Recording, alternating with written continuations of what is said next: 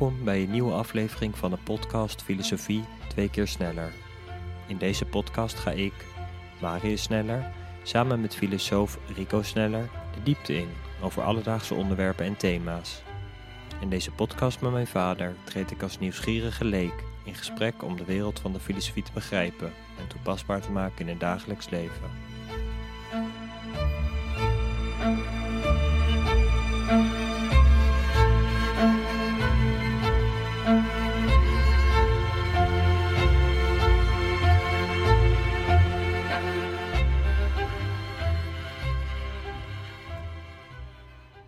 Hoi pa. Hallo, hoi. Uh, ik wilde even beginnen met een korte opmerking vooraf, naar aanleiding van een vraag van een luisteraar. Die vroeg of ik mijzelf ook even wilde introduceren, omdat ik dat in de eerste uitzending nog niet had gedaan. Dus dat wilde ik bij deze even doen. Ik ben dus Marius, zoon van Rico. Ik zou mezelf omschrijven als iemand die erg breed geïnteresseerd is. Ik heb rechten gestudeerd, biomedische wetenschappen en geneeskunde. Volg momenteel een master medische geesteswetenschappen. Ik heb zelf grote liefde voor literatuur en films. Dat is waarschijnlijk al een beetje met de paplepel ingegoten. En daarnaast ben ik ook graag creatief bezig. Ik werk graag met hout, maak onder andere meubels in mijn atelier. Um, dus dat is een beetje het kort over mij. En dan zou ik nu graag met de podcast willen beginnen. Uh, nou, tweede podcastaflevering. Uh, en deze keer wilde ik het met jou hebben over zelfexpressie. Um, en nou ja, ik had me een beetje ingelezen en wat ik begreep was dat zelfexpressie verwijst naar de manier waarop individuen hun nou ja, gedachten, gevoelens, ideeën uiten en zich uitdrukken en hoe ze communiceren. Um, dat kan je op allerlei manieren doen. Creatieve expressies, uh, je persoonlijke stijl, hoe je je kleedt, wat voor kapsel je hebt, hoe je spreekt, op wat voor wijze je communiceert. Allerlei vormen van zelfexpressie. En ik heb toch het gevoel dat het niet altijd goed lukt om jezelf echt tot uiting te brengen, tot expressie te brengen. Dat dat soms best lastig kan zijn.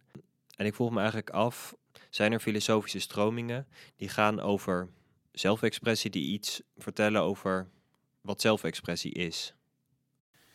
Uh, zeker zijn die. Ik zou dan liever spreken over filosofen. Uh, want de stroming is altijd iets uh, anoniems. Dat zijn er altijd meerdere. het zijn enkele individuele denkers. Maar nog even een vraag daar, of een punt daaraan vooraf.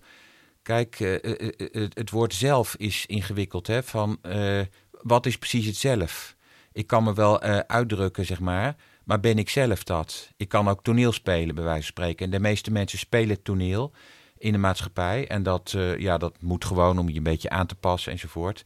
Maar dat, dat kun je nog niet echt zelfexpressie noemen. Dus het woord zelf is ook een vraagteken eigenlijk. Wat is dat? Uh... Oké, maar dan misschien daar gelijk mee beginnend. Wat, wat is zelf dan? Ik snap dat dat gelijk een hele grote moeilijke vraag is. Ja, dat, dat is een moeilijke vraag. En er is ook geen antwoord op dat ik kan zeggen van wat is mijn zelf of wat is jouw zelf. Uh, ik, ik zou het willen beantwoorden met een. Uh, het, het, begrip expressie en het begrip zelf, die veronderstellen elkaar. Dus mijn zelf is wat tot expressie kan komen.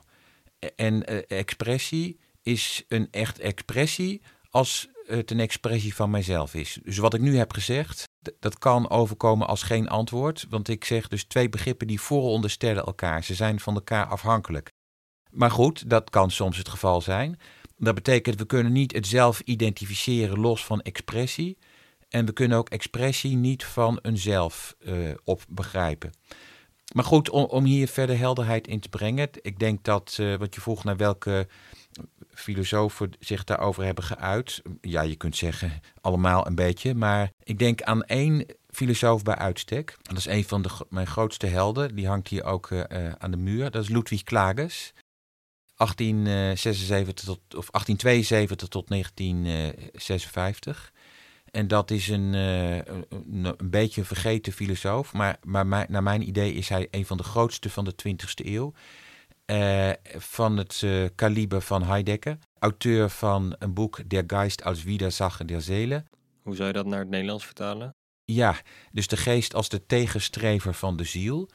Uh, en daarin komt het woord ziel al naar voren. En dat woord is een belangrijk woord om na te gaan denken over zelf en expressie. Dus vandaar dat ik het een beetje voorbereid. Hij heeft ook een boek geschreven, Grundlagen der Karakterkunde. En wederom in het Nederlands? Uh, de grondslagen van de karakterkunde. Ik, uh, om hem te typeren zou ik zeggen, Ludwig Klages is een psychofilosoof. En dat woord bestaat niet, maar dat, daarmee bedoel ik een denker voor wie de psyche, oftewel de, de ziel of het bewustzijn, verbonden zijn met de werkelijkheid daarbuiten. En niet daar haaks op staat of dat tegenover staat of uh, een onderdeel uitmaakt van die buitenwereld te midden van andere dingen. Buitenwereld en, uh, en, en, zelfbewustzijn uh, gaan in elkaar over. En dat is een apart soort filosofische traditie die volgens mij eigenlijk nauwelijks meer begrepen wordt. je vindt die filosofie ook bij, bij Jung terug en ze wortelt ergens in de Duitse romantiek. Denkers als Schelling en Schopenhauer, ook Karl Duprel. maar goed, Ludwig Klaakes dus. En die, uh, dat is eigenlijk uh, de denker van de expressie bij uitstek. Uh, iets verder van huis zou ik verwij willen verwijzen naar de Platoonse traditie. Plato en zijn idee van de eros als de drang naar omhoog.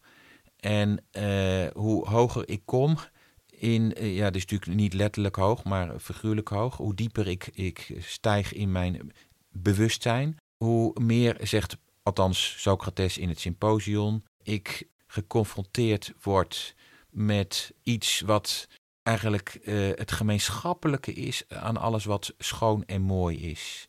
Namelijk het schone zelf, autotokalon. Dat is althans wat Plato of Socrates zo noemen. En, maar het gaat me nu even om wat, er dan, wat hij daar dan bij zegt. Dat is naarmate we het schone zelf zien, whatever that may be, want dat is natuurlijk raadselachtig, hoe meer we tot expressie komen, tot, tot schepping. Uh, dus in de, Plato de Platoonse gedachtegang is schepping iets wat ik ga doen zodra ik met het schone zelf in aanraking kom. En wat betekent in deze context dan het schone zelf? Het schone zelf, dat is, uh, maar goed, dat is een, een, een typisch Platoons begrip. Dat is datgene wat gemeenschappelijk is aan alle schone of mooie dingen. Dus dit is een betoog waar de mensen die Plato kennen misschien wel vertrouwd mee zijn. Alle mooie dingen zijn mooi, maar vergankelijk. Mhm. Eh, helaas. Dus ze verouderen. Uh, de, uh, iets minder vergankelijk, zegt Plato, Socrates, Diotima. Dat is mooie gedachten of mooie staatsinstellingen of mooie ideeën. Dat is al minder vergankelijk.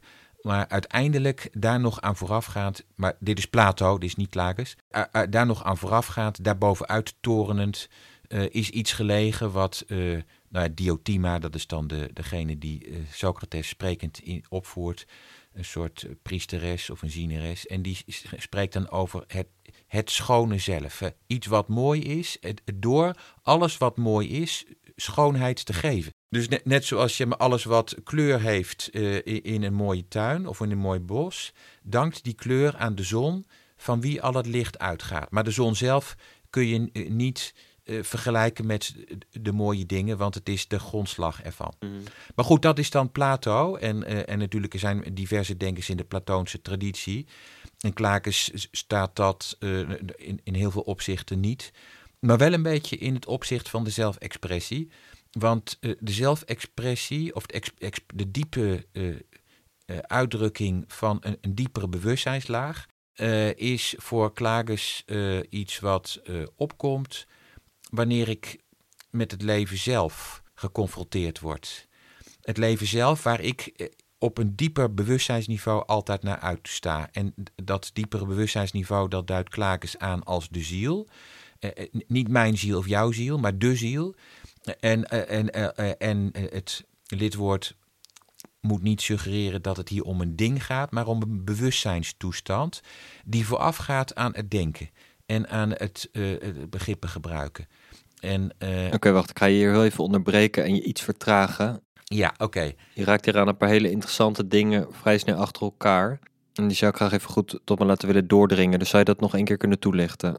Ja, oké. Nou goed, jij, jij bewaakt ook de begrijpelijkheid van mij mijn betoog. Uh, dit is voor mij zo vertrouwd dat ik er misschien snel over spreek. Ja, dat snap dus ik. in Klages, het denken van Ludwig Klages dat mij in meerdere opzichten aanspreekt, is er sprake van twee bewustzijnsprincipes. Het ene noemt hij ziel en het andere noemt hij geest. Het woord geest is voor hem... De ziel en geest zijn bewustzijnstoestanden. Ja, en geest is voor hem iets negatiefs. Uh, iets problematisch. En uh, concreet verwijst hij met het woord geest naar uh, reden, dus verstand, en naar wil. En uh, beide wij zouden zeggen dat zijn toch twee verschillende dingen, maar voor hem is het één pot nat. Want uh, wat doet het? Wat is het wezen van ons verstand en wat is de, het wezen van de wil? Dat is dat ze onderbreken. Ze onderbreken een continuïteit. Terwijl de ziel, zegt hij daartegenover, dat is het oercontact dat ik heb met het leven zelf. dat ik onderga als levend wezen. En de geest is daar in de geschiedenis tussen beiden gekomen. Uh, is geïntervenieerd, uh, is dat in stukken gaan knippen als het ware. En uh, nou, dus dat, dat heeft dus tot gevolg gehad dat we in een cultuur terecht zijn gekomen waarin de techniek is gaan domineren. dat is de woekerende geest, met als uiteindelijk effect dat de wereld, het leven en ook de ziel daardoor steeds meer worden verwoest. Maar de ziel is voor Klages het onmiddellijke beleven van het bestaan. Dus eh, als ik het even simpel mag zeggen, dat is het, het, het goede, om zo te zeggen. Het onmiddellijke beleven van het bestaan, daar is het verstand nog niet tussen beiden gekomen, het denken. Want het denken knipt dat op. Kan je een voorbeeld verzinnen om dat te illustreren? Ja, oké. Vergelijk het met een, een laten we zeggen, een, uh, een fijne ervaring uh, die je hebt, een vakantie of zoiets, of je ligt aan het strand in de zon. En uh, vervolgens ga je die ervaring onder woorden brengen. Eh, dan zul je zien dat dat tweede uh, minder is dan het eerste. je gaat er een weergave van maken en je gaat, en je gaat op een gegeven moment je oorspronkelijke ervaring reduceren tot die weergave. En daarmee verdwijnt die uiteindelijk.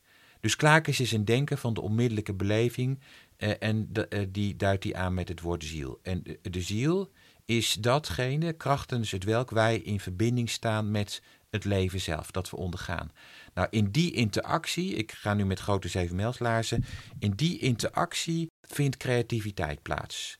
En creativiteit is. Oké, okay, wacht even. Dus je zegt creativiteit komt tot stand in de interactie tussen de ziel en het leven. Ja, maar ziel en leven. Waar, waarbij je dan niet ziel moet eh, opvatten als iets wat ik zelf bezit, mijn individuele ziel, maar als een laag in mijn bewustzijn een pre-reflexieve laag die voor aan het, voorafgaat aan het denken. En, eh, en zodra die door het leven wordt uh, geprikkeld, uh, ontstaat de creativiteit. En Klages verwijst hier naar de veel vermaledijde instincten.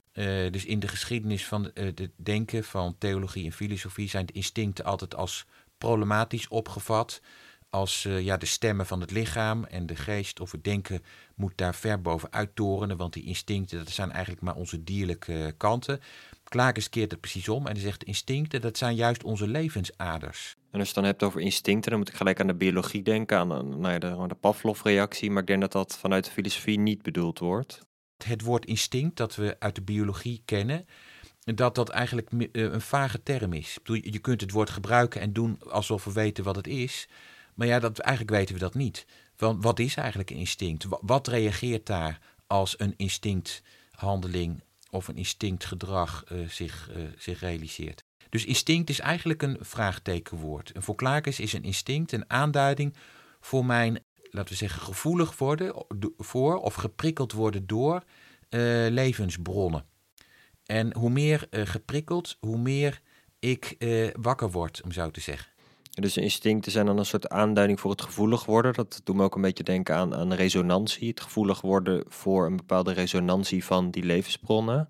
In abstracte zin begrijp ik dat denk ik wel. Zou je iets van een voorbeeld kunnen verzinnen hoe dat er in concrete zin uit zou kunnen zien? Ik, ik herinner mij, ik zal een concreet voorbeeld noemen. En heel lang geleden zat ik bij een, eh, een soort discussie die uh, in die op de universiteit werd gevoerd tussen twee sprekers. En de ene spreker die zat de ander een beetje uh, nou, proberen te prikkelen om tot, uh, uh, tot gesprek te komen. Terwijl die andere spreker een beetje slaperig, mummelig voor zich uit zat te praten. en de voorzitter van die sessie, die had natuurlijk belang, dat was een derde, die had er belang bij dat het wat levendig werd. Hè? Ik bedoel, dat is niet leuk voor het publiek als de ene een beetje zit te mummelen. En op een gegeven moment zei die andere spreker, die zei iets eh, in mijn ogen iets, iets doms, iets onnozels, maar doet er niet toe. En waarop die andere mummelende spreker, die voelde zich eh, als door een wesp gestoken, want die vond het ook een, een, een, dom, een, een, een dom vooroordeel wat daar geuit werd. En, en, en die veerde op. en begon te praten. En ik herinner me toen de uitspraak van de voorzitter. Die zei toen, een beetje grappigachtig, van... Ah, nu word je wakker. Nu word je wakker. Kijk, dat is precies, het is maar een voorbeeldje. Dat is precies wat ik bedoel. Eh, laten we zeggen, ah, zodra iemand uh, sprekend wakker wordt... Hè, dan wordt de ziel vaardig over iemand. Tot dusverre was het een soort lijzig gekeuvel, betekenisloos.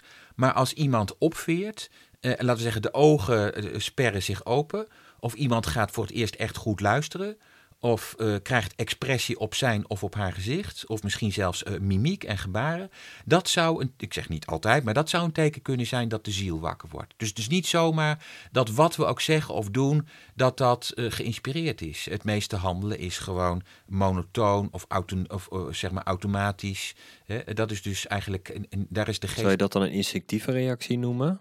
Je kunt zeggen, ja, de, je, kunt, je kunt dat instinctief noemen. Dat is een, je kunt ook een Pavlov-reactie noemen. Maar goed, het zijn allemaal woorden die dan vanuit de biologische kant zijn geïntroduceerd. Er wordt, je kunt het ook zeggen, er wordt iets in mij geprikkeld. Hè? Daar, daar veert iets op. Uh, en daar wordt iets geraakt. Er wordt iets wezenlijks geraakt, waardoor ik heftig uh, reageer. Uh, nogmaals, even, niet alle heftige reacties zijn dus zielsreacties, absoluut niet. Hè? Maar als je dus als toehoorder het gevoel krijgt, hier wordt iemand eigenlijk eindelijk uh, door zijn of door haar inspiratie uh, aangesproken. Dus zou je dan kunnen zeggen dat worden aangesproken door je inspiratie, dat je dat in zekere zin kan beschouwen als een soort instinctieve reactie? Ja, dat is bijna identiek aan elkaar. En die geraaktheid is pre-reflexief. Dus dat is niet zo dat ik zeg van laat ik nu eens wat zeggen of zo. Uh, van ik ga nu bijvoorbeeld, uh, stel ik ben spreker, ik ga, ik ga het publiek overtuigen van dit. In de meeste gevallen is dat eigenlijk alleen maar, hè, daar is de wil actief, is dat alleen maar een poging waarin de spreker het publiek wil overtuigen van zijn eigen geweldige talenten. En dat is altijd ernaast. Dat is altijd ernaast. Uh, en dat is ook geen inspiratie. Dat is uh, eigenlijk, daar is de destructie reeds in werking getreden. Maar het gaat eigenlijk mijns ondanks. Mijns ondanks. Dus ik kan daar niet met mijn wil te. Zodra mijn wil uh, zich daarover meester maakt, dan, uh, legt, uh, dan leg ik daarmee het inspiratieproces lam. Dus zelfexpressie, dat is het thema van vanavond, heeft iets te maken met ge geprikkeld of geïnspireerd worden. Door wat? Ja, daar kan een persoon, zeg maar meneer X of Y, bij betrokken zijn. Iemand die een interessante vraag stelt of een, of een prikkelende vraag of opmerking maakt.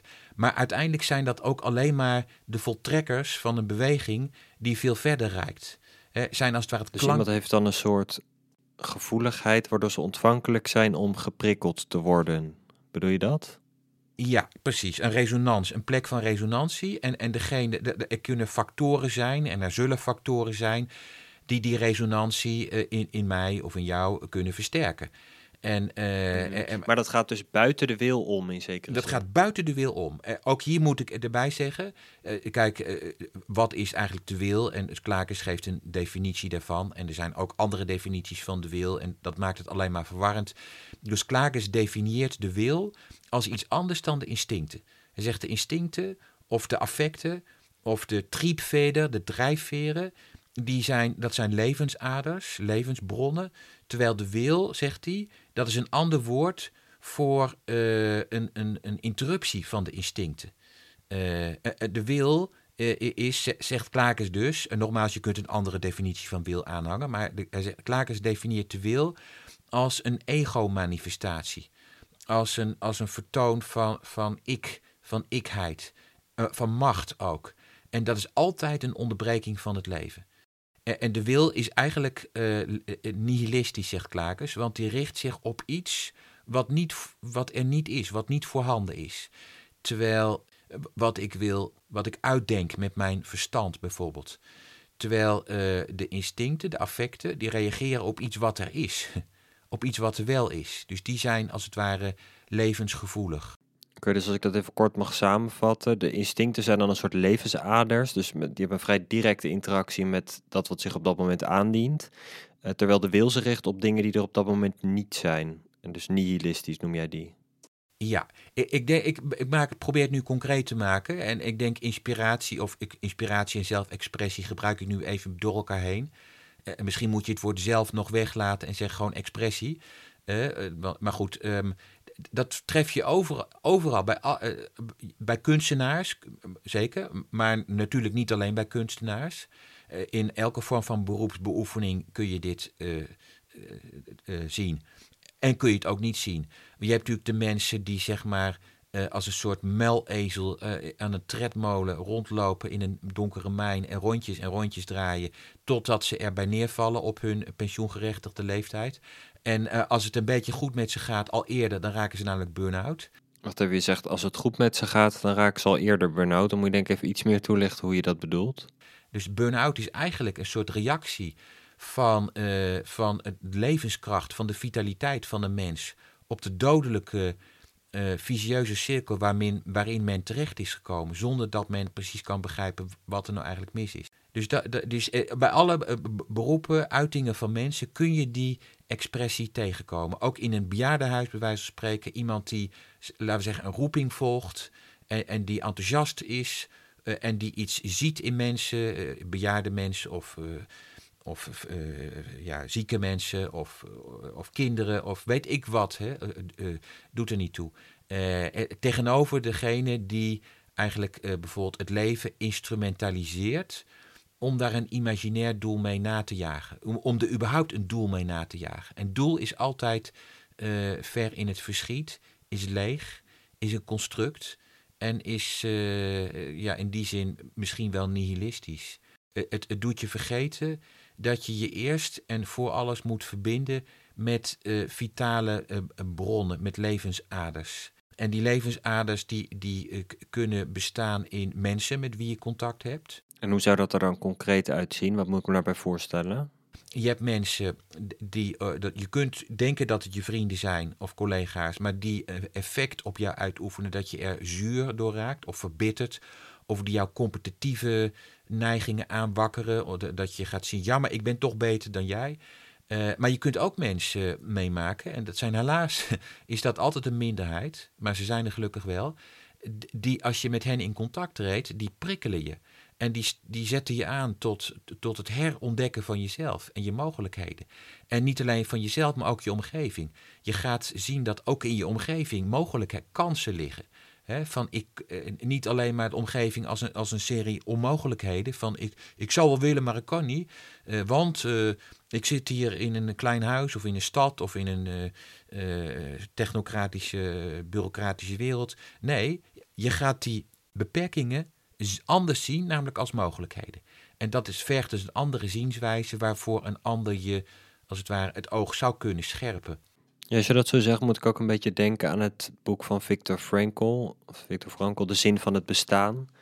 Uh, dat hij heeft geschreven over zijn tijd in het concentratiekamp tijdens de Tweede Wereldoorlog.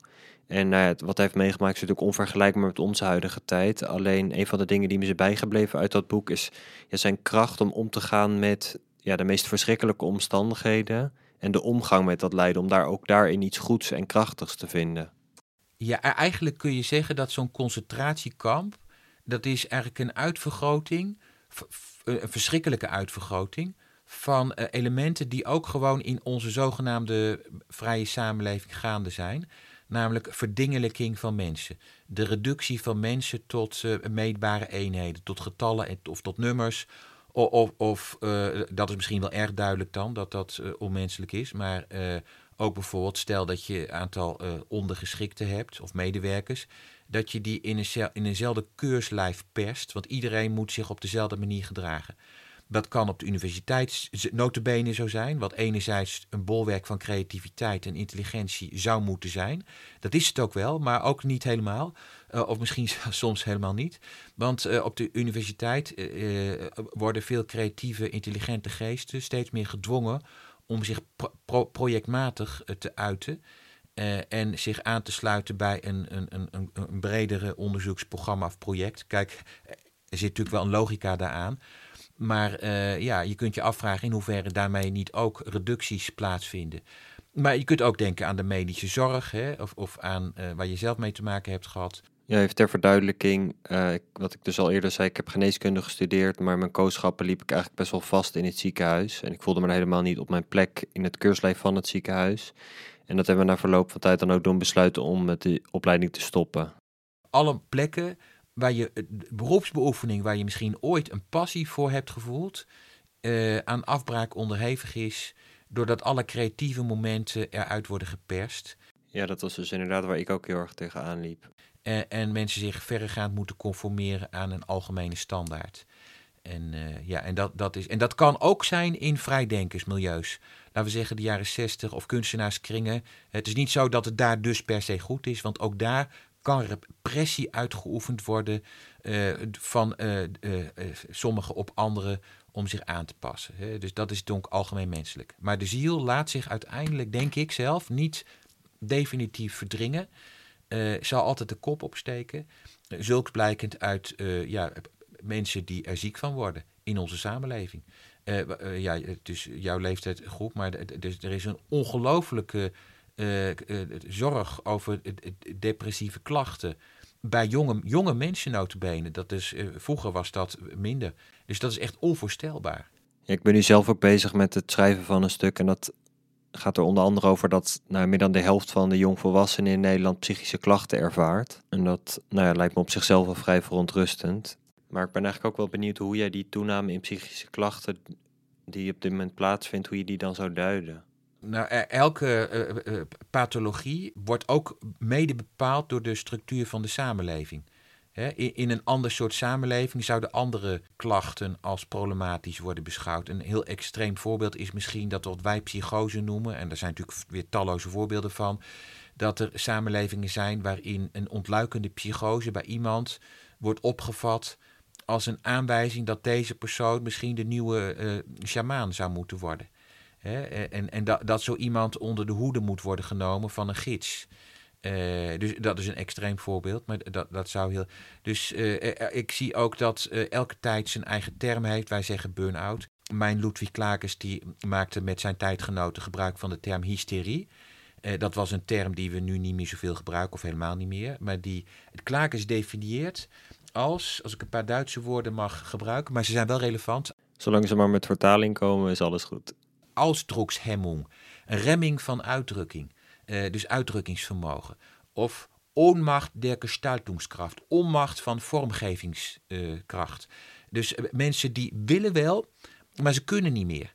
In de tijd van Klages werd dat dan dus hysterie genoemd dat is wat hij uh, interpreteerde als horend bij het verschijnsel hysterie. Wat hysterie is, dat, dat staat niet in de sterren geschreven. Dat was een aanduiding van begin 20e eeuw voor bepaald type klacht. Waar mensen toen mee te maken hadden.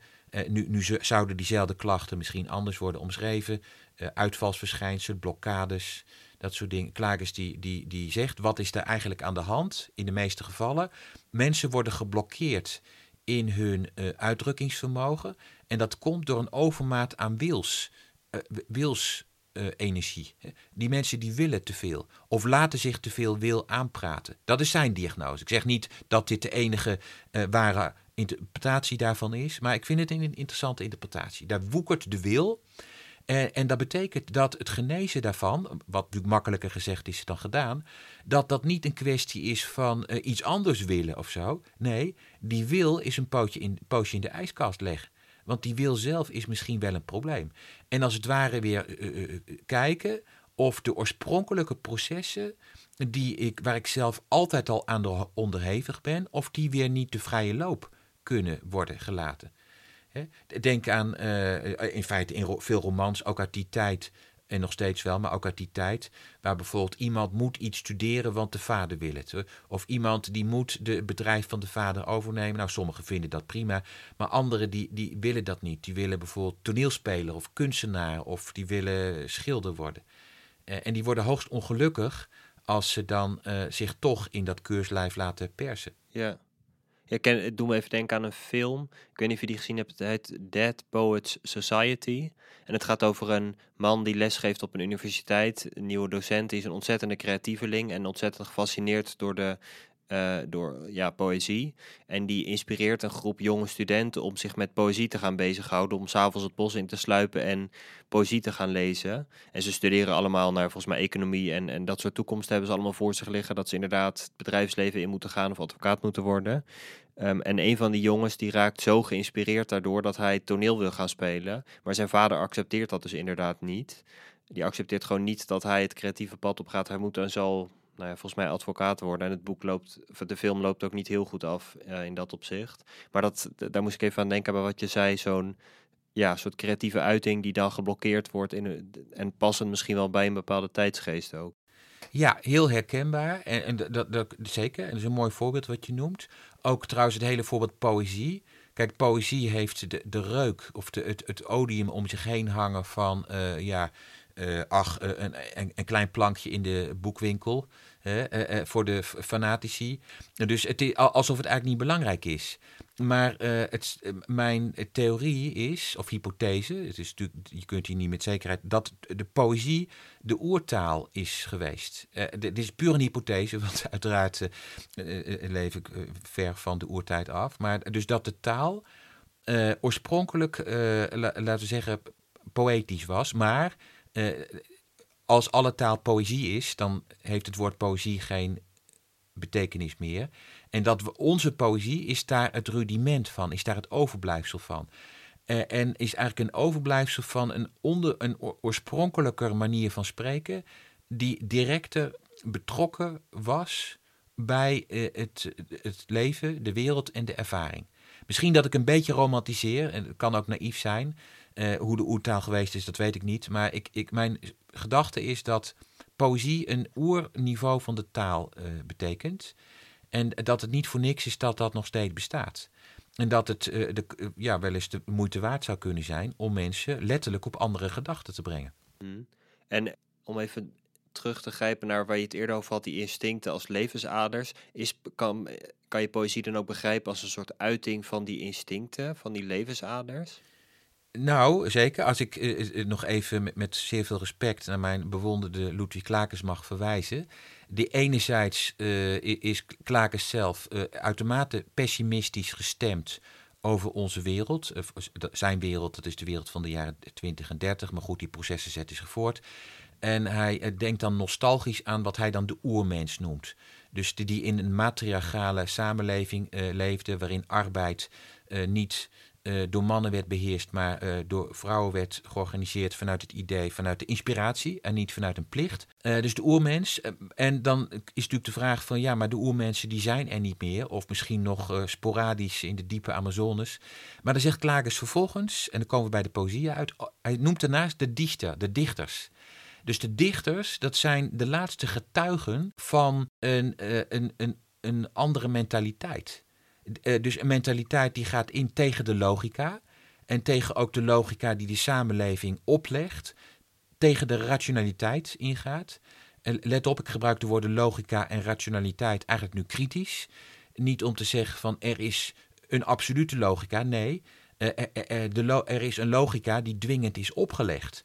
Een bepaalde manier van spreken die dwingend is opgelegd. En elke manier van spreken die daarvan afwijkt, is onlogisch. En is hoogstens dan manier van spreken in welke zin? In een soort grammaticale zin? Of? Ja, grammaticale zin, zeker. Maar logica komt van logos. Logos betekent woord of begrip of taal.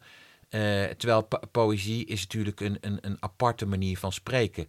Dat, je, dat dubbelzinnigheden worden uh, eigenlijk opgezocht.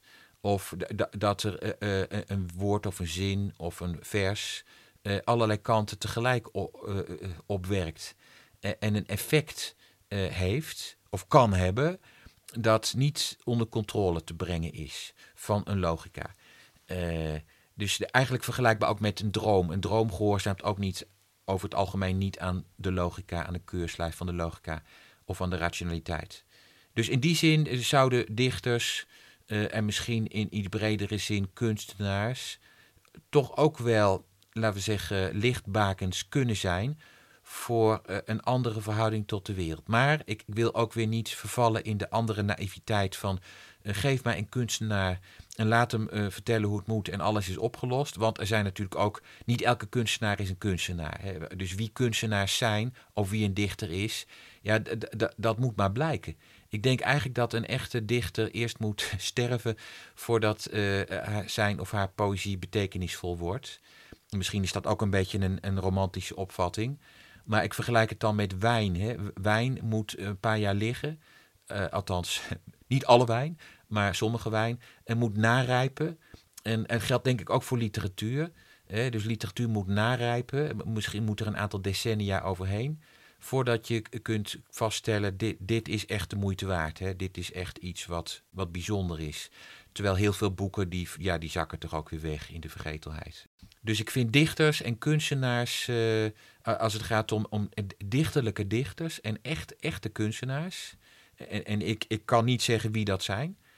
Hoogstens met terugwerkende kracht, maar niet in het heden.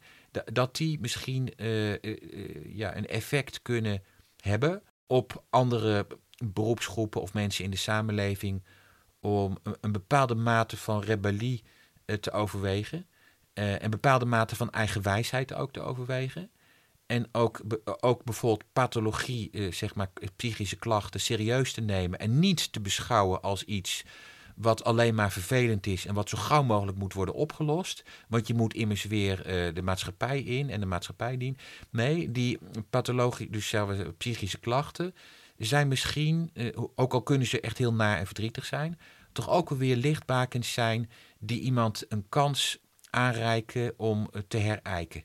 Of om, eh, om het dingen opnieuw te proberen of anders te proberen. Dus eigenlijk als iets positiefs. Maar jij zegt dus psychische klachten kunnen iets positiefs inhouden, omdat ze een soort begin van een herstelproces kunnen inluiden. Of althans zouden kunnen geven. Zouden kunnen geven. En natuurlijk zijn er mensen die zijn echt heel zwaar uh, onder de pannen. Uh, ook onomkeerbaar. Uh, maar het zou kunnen, en ik probeer het voorzichtig te zeggen, want ik wil psychisch leed niet minimaliseren natuurlijk. Maar uh, het zou kunnen dat er zijn natuurlijk bepaalde psychotici die tegelijkertijd e extreem gevoelig zijn. Heel gevoelig. En het, het zou de moeite van het onderzoeken waard zijn of bepaalde psychotici niet toch ook graadmeters zijn van wat er in hun tijd aan de hand is. En, en als dat zo zou zijn, ik, ik formuleer het dus uh, voorzichtig, dan zouden zij als het ware een soort antennefunctie hebben. En dan lijden ze misschien wel voor anderen. Dus hun lijden is daarmee uh, niet gerechtvaardigd of zo, want het blijft natuurlijk heel zwaar. En sommige mensen die worden echt volkomen gek, die worden de zelfdoding ingedreven. En dat is natuurlijk echt altijd verschrikkelijk. Maar er, er zijn toch bepaalde psychotici, en sommigen hebben ook geschreven, die, die, eh, ook al eh, worden daar misschien absurde gedachten geuit. Maar je kunt ook wel kijken door die absurde gedachten heen of zij iets articuleren. Wat toch verhelderend is voor het tijdsgevricht waarin zij optreden. Net als een kunstenaar, dat is dan iemand die zich wel productief weet te maken. Eh, toch ook vaak een sensor is van dingen die in de tijd spelen. En vaak voordat andere mensen uh, dat doorhebben. Uh, een Picasso met zijn Guernica bijvoorbeeld en uh, noem maar op. Dus, dus het is toch interessant. En wat zou dan, denk je, iemand met psychotische klachten in dit tijdsgevricht, wat zou die dan signaleren, denk je? Dingen die er aan de hand zijn in de tijd. En dat zijn uh, natuurlijk, er is, er is, van alles en nog wat aan de hand. je kunt zeggen, er ligt nu sneeuw buiten, maar ja, dat is zo onogelijk. En ik bedoel het echt om grote, grotere dingen, tendensen. Die zeg maar. Ja, dat snap ik. Maar wat, zijn die, wat, denk jij dat die zijn op dit moment in de tijd? Nou, eh, eh, voor zover ik op dit moment niet psychotisch ben, vind ik dat extra moeilijk om dat te zeggen. Maar goed, gelukkig zijn er ook andere mensen dan psychotici die daar soms verstandige uitspraken over kunnen doen. Ik zelf vind, dat, ik vind het zelf heel moeilijk om te zeggen. Uh, ten, het, ik kan wel wijzen naar uitingen, uitingsvormen, waarin die tendensen blijken uit bijvoorbeeld, eh, laten we zeggen, een zekere ontgrenzing van vaste structuren. Laten we zeggen man-vrouw, uh, volwassene kind. Ja, wat ik, onderricht of niet onderricht, noem maar op. Ik bedoel dit niet als een waardeoordeel, hè, maar dat grenzen, ook van adel, niet van adel, dat grenzen vervloeien, waar een effect van is dat niemand meer goed weet waar die aan toe is bijvoorbeeld kinderen in een klas, studenten in een collegezaal, patiënten bij de arts. dus bepaalde vastigheden die, die, ja, die zijn aan afbraak onderhevig. En er, er is een soort chaos die daaruit resulteert. En, en waar blijkt die chaos? Kijk, een hoop mensen weten zich behoorlijk te handhaven. Ofwel door zich krampachtig aan het verleden vast te grijpen, nostalgisch of reactionair. Maar denk nu bijvoorbeeld aan bepaalde groepen buitenlanders die niet echt de weg naar de samenleving hebben weten te vinden. En, en die dan soms, uh, probeer echt voorzichtig te zeggen nu, soms doorslaan. En soms misschien zelfs radicaliseren of, of tot, laten we zeggen, extreme criminaliteit vervallen. Nogmaals, criminaliteit is als zodanig niet wenselijk, maar betekent niet dat we er niks van kunnen leren. criminele handelingen of radicaliseringsprocessen. Het, het, laat wel iets in, in uitvergroting zien over toch een soort tekort aan de andere kant, aan, de aan de zogenaamde beschaafde kant. Eh, als het gaat om bijvoorbeeld, uh, maar nu trap ik misschien een open deur in. Hè? Dus de moslim-fundamentalisme, wat, ik af zodanig uh, verafschuw. Ik verafschuw elke vorm van religieus fundamentalisme. Maar tegelijkertijd zit er misschien wel een soort verlichting in ten aanzien van een soort overmatig secularisme waarin een hoop mensen terecht zijn gekomen. Een onvermogen om een diepere zin of samenhang uh, aan hun leven uh, te geven of, of dat in hun leven te onderkennen. En, en zich uh, zien terugvallen tot consumeren of, tot, of to, ook dat fatalisme van nou zo is het nu eenmaal. Hè. Laten we er maar, van maken wat te maken valt. Hè. Dus het, het, terugdringen van religie uit de samenleving. Dat is natuurlijk een ander proces wat voor een beetje misschien begrijpelijk is. In het licht van vroeger absolutisme. Maar wat ook niet alleen maar positief is, ook, ook negatief is. Ja, als je dat zo zegt, moet ik even denken aan iets dat ik laatst meemaakte. Ik woon zelf in Utrecht en bij een kerk in de buurt, die staat dan heet het leeg. Um, en momenteel zijn ze bezig met de bouw van een sportschool in die kerk. En ze hadden recentelijk een open dag om even het bouwproces te kunnen bekijken en mogelijk vast lid te worden. Nou, prima. Dus we waren daar even gaan kijken. We kregen een rondleiding door het gebouw. Nou, het is echt een prachtig pand. Een hele oude kerk. Ehm, alleen toen we ergens bovenin bovenin rondliepen, achterin bij het orgel, ergens in een hoekje in de schaduw, daar was het beeld van Jezus aan het kruis, nou ja, ergens achterin op de vloer weggelegd. Ehm, en ergens raakte dat beeld me wel, omdat dat voor mij een soort uiting, illustratie was van de secularisatie van de samenleving. Dat een kerk dan zo wordt omgetoverd tot een sportschool, wel sport natuurlijk belangrijk is, maar dat je daarin ook wel heel duidelijk ziet van, oh ja, religie speelt echt een zeer beperkte rol meer in de hedendaagse samenleving zeker. Dat is een mooi voorbeeld wat je noemt. Ik ben altijd toch ook een beetje uh, dubbel als ik, laten we zeggen, in een westerse samenleving moslims op een kleedje zie knielen. En enerzijds heb ik een associatie met fundamentalisme, maar anderzijds denk ik van ergens is het er ook mooi hè, dat mensen gewoon zonder schaamte zich voor God neerbuigen. En, en dat ze dat gewoon doen. Dus nou ja, ik, ik, ik, kan, ik kom er niet goed uit wat ik daarvan moet vinden. Ik vind, ik vind het alle twee tegelijk. Maar het is maar een voorbeeld. En uh, nou ja, misschien kun je er ook iets van een expressie in zien. Een expressie niet van het zelf, maar van uh, een tijd die zich door mensen heen uit probeert te drukken. Op een misschien wat extreme manier. In mensen komen dingen tot expressie. Terwijl aan de andere kant van de medaille, laten we zeggen de, de, de, de burgerman of burgervrouw die zich volledig heeft aangepast. Ja, wat komt daarin tot expressie? Vrij weinig, om zo te zeggen. Eh, eh, eh, dus ja, dat is jammer. Dat zijn gemiste kansen. Wat, wat is er dan denk je nodig om tot zelfexpressie te komen? dat is een, een, vraag waar heel veel verschillende antwoorden op mogelijk zijn. En mijn antwoorden zijn natuurlijk altijd geïmproviseerd en voor verbetering vatbaar. Ik denk dat het nodig is om de psychopathologie serieus te nemen en niet gevangen te zetten in DSM-kwalificaties. Uh, daar kunnen redenen voor zijn, maar puur instrumentele redenen. Maar een DSM is niet ontologisch, heeft geen, geen, geen waarheidswaarde, maar heeft instrumentele waarde. Dus als, als we die, eh, dat ook maar gewoon goed tegen onszelf zeggen. dat, dat de psychopathologie ook als een uh, dus als een, een, een, vat van, ja, van misschien wel inspiratie wordt gezien. Of ook als een kans tot herbronning of herijking. Dus dat is een eerste wat uh, nodig is. En twee. En psychopathologie kan dan ook in een soort ja, light zin zijn. Dus gewoon ja, bepaalde psychische klachten die misschien niet uh, bestempeld hoeven worden als een manische depressie, maar gewoon ja, ook milde. Alles, bedoel je alles, alle alle, ja. alles, alles. Ja, en ik zeg niet van, ik wil dit niet verheerlijken natuurlijk, want dat zou naïef zijn. Want lijden is lijden. Punt, dat is, dat is naar. En soms dan gebeuren zulke vreselijke dingen. En dus dat is echt niet leuk meer. Dus daar moet ook, en misschien dat ook, ja, misschien, daar zullen soms zeker ook medicijnen voor nodig zijn, absoluut. Mhm. Om iemand toch een leven terug te geven. Ja. Maar uh, daarmee uh, houdt het niet op, maar daarmee begint het pas. Hè? Dus we moeten nadenken over wat we daaruit zouden kunnen leren. ja, misschien niet uit één persoon als zodanig, maar uit bewegingen, uit, uit, tendensen in de psychopathologie. Ja.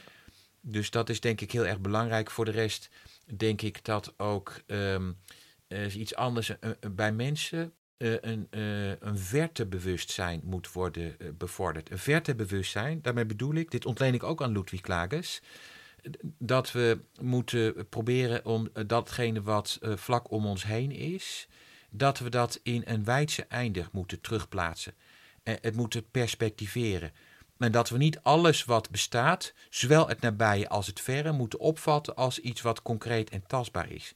Eh, eh, eh, concreet, we moeten eigenlijk proberen om de raadselachtigheid van het alledaagse weer voor het voetlicht te krijgen. Mhm. en, en, daartoe kan het nodig zijn, gewoon concreet, heel concreet, dat mensen verte, de verte gaan opzoeken. Dat kan de zee zijn, een gebergte, dat kan een reis zijn. Uh, of dat kan uh, nou, eh, plekken waar je ver weg kunt kijken. Mhm. En dat je dus je, je, je, ja, je gedachten en je gevoelens laat uitwaaieren naar de wijde verte. ik denk dat dat heel erg goed is, zeker ook tegen depressies, tegen het gevoel van opgesloten zijn, maar dat je je laat uitwaaieren. Ik herinner me een yoga-oefening. En dan zit je gewoon in de kamer dat je moet proberen zitten met je benen lang uit te, te ademen. Je adem steeds verder te laten gaan, op een gegeven moment naar je tenen. En dan van je tenen nog verder de, de diepte in. En dat, dat je tenslotte ademt vanuit die diepte terug. Dat is ook een soort verteverbinding. Dus dat kan dan misschien ook binnen de beslotenheid van je huiskamer. Dus dat zou een tweede uh, zijn waarvan ik denk dat dat heel erg uh, uh, belangrijk is. In het algemeen raad ik ook literatuur aan en poëzie verwoed te lezen. En eigenlijk ook filosofie. Uh, maar daar moet ik voorzichtig zeggen, want ja, de ene filosoof is de andere niet. Ik wil niet de mensen op het pad van de logica uh, terugdwingen, want daar ben je uiteindelijk niet mee gebaat. Dat is puur instrumenteel. Maar toch wel ook de, filosofie dan diep gelezen. Dus als je eh, in één denker je, je belangstelling krijgt, dat je die ook herleest en herleest en herleest, totdat je steeds meer voeling krijgt maar waar, met waar het hem of haar eigenlijk om te doen is. En dat is niet de kwestie dat je gewoon braaf kunt oplepelen wat hij allemaal heeft gezegd. Want dat is nog uitwendig. Maar dat je contact maakt met wat die denker heeft uh, ja, geleefd. En heeft gevoeld en heeft gedacht. En daar kan een mensenleven mee heen gaan. Dus dat is dus ook iets waarvan ik denk dat is uh, belangrijk om toch tot zelfexpressie te komen. Want als het goed is, dan zou een andere filosoof, als je die goed leest, niets ertoe brengen om die uh, na te praten om die na te kouwen, zodat je een nieuwe autoriteit hebt gevonden. Maar helpt die denker om jou, helpt die denker jou om te zeggen wat, wat je zelf denkt en vindt. Maar dan niet direct al je meningen de wereld in, smijten, want dat is natuurlijk de ziekte van onze tijd. Mensen moeten, moeten natuurlijk eerst leren gewoon heel terughoudend te zijn met hun meningen. Uh, maar pas nadat je door een diepe denken bent heen gegaan, dan is de vraag: en wat zeg jij nu? Uh, en nu jij. Dus een echte grote denker werp je ook op jezelf terug, denk ik. En dat is waardevol. Dat brengt ons bij ons thema van zelfexpressie terug. Dus zelfexpressie, ja, toch door een ander die daar uiteindelijk een beroep op doet. Grote denkers willen niet dat je hen napraat, maar willen dat je zelf ook gaat denken. Dat denk ik zelf ook. Uh, maar je hebt dus de ander nodig, uh, bijvoorbeeld een groot denker, nodig om tot zelfexpressie te komen, omdat je dan je eigen leven kan bekijken in het licht van dat wat die persoon heeft doorgemaakt? Uh, dat, dat, dat kan zo, maar niet, niet voor, er zijn ook mensen die, die in de niet-menselijke sfeer, laten we zeggen in de natuur, tot diepte-ervaringen worden gebracht. En eigenlijk tot een soort zelf ontmoeting worden gebracht. Dat wil ik zeker niet uitsluiten. Maar voor mijn soort mens uh, is uh, toch de weg van het denken en de confrontatie met denkers uh, van groot belang. En dan zeg ik denkers, schuine streep, grote kunstenaars. en dat zijn, dat, dat zijn dan mensen die, die zich ook in brieven of in dagboeken hebben geuit. En hele interessante observaties hebben gedaan. Die hebben er geen systeem van gemaakt, maar hele interessante no noties hebben ontwikkeld je hebt het over grote denkers en kunstenaars. En als ik bij kunstenaars, als ik over kunstenaars nadenk, zou ik dat toch eerder omschrijven als voelers. Ja. Uh, omdat die toch minder, ja, een beetje terugkomt op die instincten. Misschien doet een, eh, een, een, een groot denker is ook wel heel erg een voeler, maar voor mij voelt dat toch wel als ja. niet helemaal hetzelfde. Dat, Nee. dat kunstenaars toch sneller voelers Ja, zijn. nee, oh, en zo tot Ja, zelfexpressie ik denk dat, komen. dat er ergens een, een, een schemerzone tussen die twee is. En, dat je extreme denkers en extreme voelers hebt, zeker. Maar, eh, er, er- maar er zijn ook ku- kunstenaars die, die heel goed hebben gedacht. En wat ik helemaal interessant vind, dat er soms kunstenaars zijn die een bepaalde diepe filosoof onmiddellijk begrijpen. Zonder dat ze uitvoerige kennis hebben van, eh, van de geschiedenis van de filosofie. En dat is heel bijzonder. Dus te- te- terwijl voor anderen eh, ploeteren zich moeizaam door eh, van Heraclitus tot Levinas heen. En pas dan eh, denken ze dat ze een filosoof kunnen begrijpen. Maar er zijn soms kunstenaars die een filosoof onmiddellijk kunnen, eh, kunnen ja, vatten eigenlijk. Die hebben toch ook een ander kanaal. Alleen, die kunstenaars voelen niet de behoefte, of zijn misschien ook niet, niet in staat, om een systematische oeuvre neer te zetten. Maar die zullen dat misschien fragmentarischer doen. Of, of die zullen dat eh, ja, in, een onmiddellijke expressie doen, die, die niet de systematiek vertoont. Eh, het blijft lastig om die twee ten opzichte van elkaar eh, af te zetten. Eh, dus de, de meest interessante denkers, vind ik zelf, dat zijn die denkers die ook een artistieke gevoeligheid hadden. Er is een aantal filosofen die zeer muzikaal was. Hè? Rousseau, Adorno bijvoorbeeld. En nou, diverse denkers die, die vanuit een soort muzikaal eenheidsbesef. Ook, ook Herman Friedman, dat, iemand die, die, die wordt door vrijwel niemand gekend, was ook zeer muzikaal. Eh, ja, da- dat zijn denkers die vanuit een bepaald soort attitude denken. En ja, daar ik, komen ik, moet even denken, ik moet even denken aan het boek van Thomas Maan, de Toverberg, waar ik Ja. nu een eh collegereeks over aan het luisteren ben. Oh, Ehm, maar dat gaat eigenlijk over. Dus de, nou ja, en iemand die heel erg veel gestudeerd heeft op Thomas Mann, die vertelt over dat je dat boek ook in zekere zin kan zien als een soort symfonie. Dat het is opgesteld en aan, aan de hand van een soort.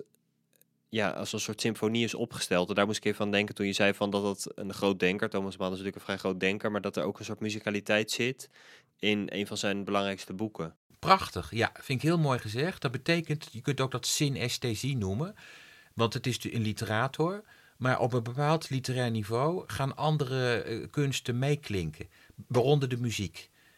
Misschien is dat zo. Overigens was Thomas Mann, die had een soort, of ja, een soort haat-liefde verhouding, voor zover ik weet, met Adorno. En in die andere roman, misschien dat je die ook nog, Dr. Faustus. Eh, ja, Dr. Faustus. Eh, het gaat over een componist die zijn inspiratie verliest en dan zijn ziel aan de duivel verkoopt om die weer terug te vinden. Daarin eh, wordt de duivel eh, geportretteerd en hem worden woorden in de mond gelegd die Thomas Mann ontleend heeft aan muziektheoretische traktaten van Ad- Adorno. En daar was Adorno dus weer niet over gecharmeerd. Dus die, maar goed, dus dat, dat betekent wel dat, dat beide, eh, de, de denker en de dichter, een soort besef hadden van het eh, in elkaar overgaan van, van kunst, kunsten en van kunst en denken. Dus dat, dat is iets wat mij boeit. Er, daar waar de scheidslijn er eh, dun wordt, om zo te zeggen. Waar Ja. je het niet meer precies weet. Van is Nee. dit nog kunst of is dit al filosofie of omgekeerd? Hè? En de mensen die graag willen klassificeren, die, die, die staan daar op een gegeven moment met lege handen. Dat vind ik echt interessant. Dat, daar wordt het echt spannend. Dan kom je in een terrein dat ligt voorbij de genres, denk ik. En dat is echt fenomenaal interessant. En heb je daar nog andere voorbeelden van? Van personen die daar misschien een, een uiting van zijn? Dus ik, ik noemde eh, de naam, de, nog een keer o- omdat eh, niemand hem kent, Herman Friedman, een tijdgenoot van Klages. Eh 18, eh, even kijken, 1873 tot 1957. hè. Eh, eh, eh, iemand die bekend, of ja, die heeft dus een boek geschreven, dat luidt Die Welt der Vormen. En dat boek, als je het openslaat, dan kan je de schrikje om de hart slaan. Want daarin, eh, op het, eh, lees je niet, je ziet dat handelt over, eh, nou, filosofie sowieso. Het handelt over eh, oud-Griekse poëzie en toneel. Het handelt over muziek. Het handelt over kwantummechanica, over relativiteitstheorie, over embryonale groeiprocessen, over erfelijkheidsleer. Nou, met andere woorden, over allerlei domeinen die niemand in zijn eentje kan eh, beheersen. Dus eh, ik heb me toch door dat boek eh, heen geploeterd. En sommige dingen snapte ik natuurlijk niet. Nou, dit is ook een, een denker, helaas vergeten, die ook interessant is, omdat hij ook creatieve processen en transformatieprocessen in de psyche op het spoor is. Dat zou een andere sessie rechtvaardigen. Hij spreekt over een transformatie van een haptisch naar een optisch niveau. Dus hij zegt de wetenschap moet van een, een haptisch uh, verdingelijkings- of objectiveringsniveau op een gegeven moment naar een optisch niveau uh, doorgroeien. En optisch niveau, daar wordt het zien belangrijk. En, daar wordt, en het zien is een gerichtheid op vormen, waarbinnen de dingen eerst op hun plek vallen. Uh, nou ja, details moet ik misschien nu even weglaten. Uh, maar uh, onthoud het transformatieproces. Dat is Herman Friedman, een ongelooflijk interessante figuur. Maar eigenlijk ook de Carl Duprel, over wie ik het bij menig gelegenheid heb. Ook zo'n vergeten filosoof. Een schakel tussen, tussen Freud en Schopenhauer. 1833 tot 1899. überhaupt de hele school van de Duitse romantiek. En niet te vergeten, die zou ik ook maar, dat is Jacques Derrida op wie ik zelf ooit gepromoveerd ben. Dus weer een heel ander denken, maar uit een ongelooflijk creatief denken. Ook iemand bij wie een soort genrevervaging optreedt uh, tussen filosofie en literatuur.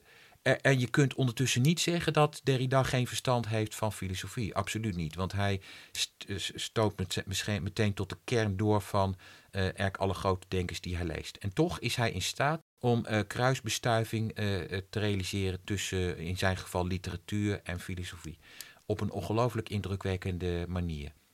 Dus dat zijn allemaal, maar goed, ik heb heel veel grote denkers die ik bewonder. Eigenlijk echt veel te veel, maar dit zijn er dan een paar. Oké, en nu wil ik eigenlijk weer dit terugvertalen naar het gewone leven, om het maar even zo te zeggen. Want je hebt natuurlijk over ja, mensen die al die grootste dingen tot stand hebben gebracht. Een aantal grote filosofen of kunstenaars. Um, maar om dat dan weer terug te vertalen naar zeg maar het hier en nu en naar ja, gewone mensen, noem ik het maar even. Um, en weer terug te brengen naar die zelfexpressie. Um, we hadden het helemaal aan het begin van het gesprek al even over dat je eerst over het zelf het moet hebben en over een expressie dat die twee samenhangen met elkaar en niet los te zien zijn van elkaar, omdat ze elkaar nodig hebben. Wat denk jij dat in het dagelijks leven, je hebt het al eerder even gehad over die uh, verte uh, voeling, noem ik het maar even. Um, wat zijn nog andere dingen die nodig zijn om je zelfexpressie misschien meer tot stand te brengen? Ja, ik denk ook dat, om, dat omgeving belangrijk is. Hè? Dat je zelf, uh, als het ware, signalen uit je leven oppakt van mensen die zich in, in, in je wereld langskomen, in je leven langskomen. Dat kunnen toevallige ontmoetingen zijn. Uh, het, kan ook een, een, boek of een televisieprogramma zijn, of een film bij wijze van spreken, eh, dat ergens uh, een, een, signaalfunctie voor je heeft. waar je op aanslaat, om zo te zeggen. En dat te onderzoeken. vaak zijn het toch ook mensen, denk ik. Hè? Van mensen gaat een krachtige, kan een krachtige prikkel uitgaan. En die kunnen zeer stimulerend zijn. Die kunnen innerlijke stemmen die je al had versterken. En als je met hen in gesprek gaat, eh, dan merk je al gauw wat gebeurt er met mij in dit gesprek. Als ze je de grond in praten of gefrustreerd maken of, of competitief maken, dan was het dus niet uh, een gesprekspartner voor je. Maar als ze je iets in iets prikkelen van ja, dat ga ik ook doen, dat wil ik ook. Uh, dat ga ik eens uitzoeken. Hè. Dat is denk ik voor iedereen, in welk beroep of, of taakstelling je ook staat, van belang. En ik denk dat er alle mogelijke uh, beroepen eh, kunnen een kunstenaarshouding aannemen. Ik, ik, ben nu bij de fysiotherapeut bijvoorbeeld. En ik, ik, nou, zo'n fysiotherapeuten praten heel veel. Hè, dat hoort bijna bij het beroep. En uh, dan luister ik. En zo, de man die ik dan nu heb, die, die staat op een, vind ik, interessante manier in zijn beroep. Hè, die, die, die zegt dus van nou, op die opleidingen leren ze allemaal dingen, maar net niet het, het, essentiële wat nodig is. Gewoon empathie en luisteren naar mensen, door woorden heen luisteren. Dus eigenlijk toch het inzetten van intuïtie. Nou ja, als je zo iemand zou tegenkomen als fysiotherapeut, dan kan die een stimulans zijn van hé, hey, ik ga dat ook eens proberen. Ik ga het eens anders doen. Zoiets. En hoe kan je zelf die persoon zijn? Uh, welke persoon? Zo'n instelling als dat die fysiotherapeut heeft. Nou ja, dat, dat, dat begint niet uh, met een wilsact. Zo van, en nu, nu ga ik dit zijn of zoiets. Uh, het begint ermee dat je zelf ook aangestoken bent. alleen inspirerende mensen zijn zelf ook geïnspireerd. En het gaat dus ook niet aan om inspirerende mensen te vergoddelijken of op een voetstuk te plaatsen. Uh, want dat, uh, dat kan ze toch hoog, tot hoogmoed brengen. Het, dat is denk ik niet goed. En, en, dan kunnen mensen weer toch ten val komen. Ik denk dat het goed is dat geïnspireerde mensen zich realiseren dat zij zelf die inspiratie ook weer van anderen hebben ontvangen. En dat ze ook doorgeefluik zijn. En dat ze niet hun eigen ego verabsoluteren. En dat, dat gevaar wordt groter naarmate je door anderen als inspirator wordt beleefd. Nou, bijvoorbeeld, het kan een politicus zijn of een grote, misschien cabaretier. Ik hou niet van cabaret, maar goed. Of een romanschrijver. Hè. Dan moet je juist heel erg uh, beducht zijn. Dat je jezelf blijft zien als een doorgeefluik. Want mensen zijn niet zelf de bron van de inspiratie die ze doorgeven. Nee, want dat was eigenlijk ook nog een vraag die in me opkwam. Zou ik dan kunnen zien dat iedereen in zekere zin een soort kern heeft om te ontdekken en tot expressie te brengen? Of is er meer een soort universaliteit die. Uh, waarin mensen dus, zoals je net zei, meer doorgeefluik zijn van iets dat buiten henzelf bestaat? Ik denk een combinatie van die twee. Uh, een combinatie van die twee. Ik geloof wel aan individuele creatieve vermogens en die verschillen van enkeling tot enkeling. En misschien moet je daar ook. Uh, uh, kijk, niet iedereen hoeft kunstenaar te zijn. Niet iedereen hoeft de wereld te verbeteren. Ik herinner me bij de begrafenis van een tante van mij. die, laten we zeggen, borin was. En laten we zeggen, tamelijk teruggetrokken was. en toen mijn vader, dus jouw opa, een toespraak hield tot begrafenis. Toen zei hij dat die vrouw, dat zij misschien onopvallend was, maar ze was groot in haar liefde voor haar gezin en anderen. Dus dat vond ik mooi. Uh, niet iedereen hoeft een vooraanstaande rol te spelen. En dat moeten we ook niet ambiëren. Dat, dat, dat kan niet iedereen, wil niet. Dat hoeft, en dat geeft ook niks. Maar je kunt ook groot zijn in uh, wat je kunt geven aan anderen. Bijvoorbeeld liefde. Aan degene die je om je heen hebt of degene die op je pad komen. Dus daarmee denk ik, we hoeven niet allemaal hetzelfde na te streven. Ieder mens mag in zichzelf op zoek gaan in wat zij of hij kan, ja, kan, kan, kan vinden. Omdat, uh, en, en wat daarin al ge, geprikkeld of aangeboord is. Dus ik hoop dat dat concreet uh, is. Ja, dat is wel concreet. Dat is wel uh, duidelijk. Ik zit ook even naar de tijd te kijken. Ik zie dat wel het uur gepasseerd zijn inmiddels. Dus ik denk dat we zo meteen eens moeten afronden. Goed. Ik heb in ieder geval erg veel nieuwe inzichten opgedaan. Dus dank daarvoor. Graag gedaan.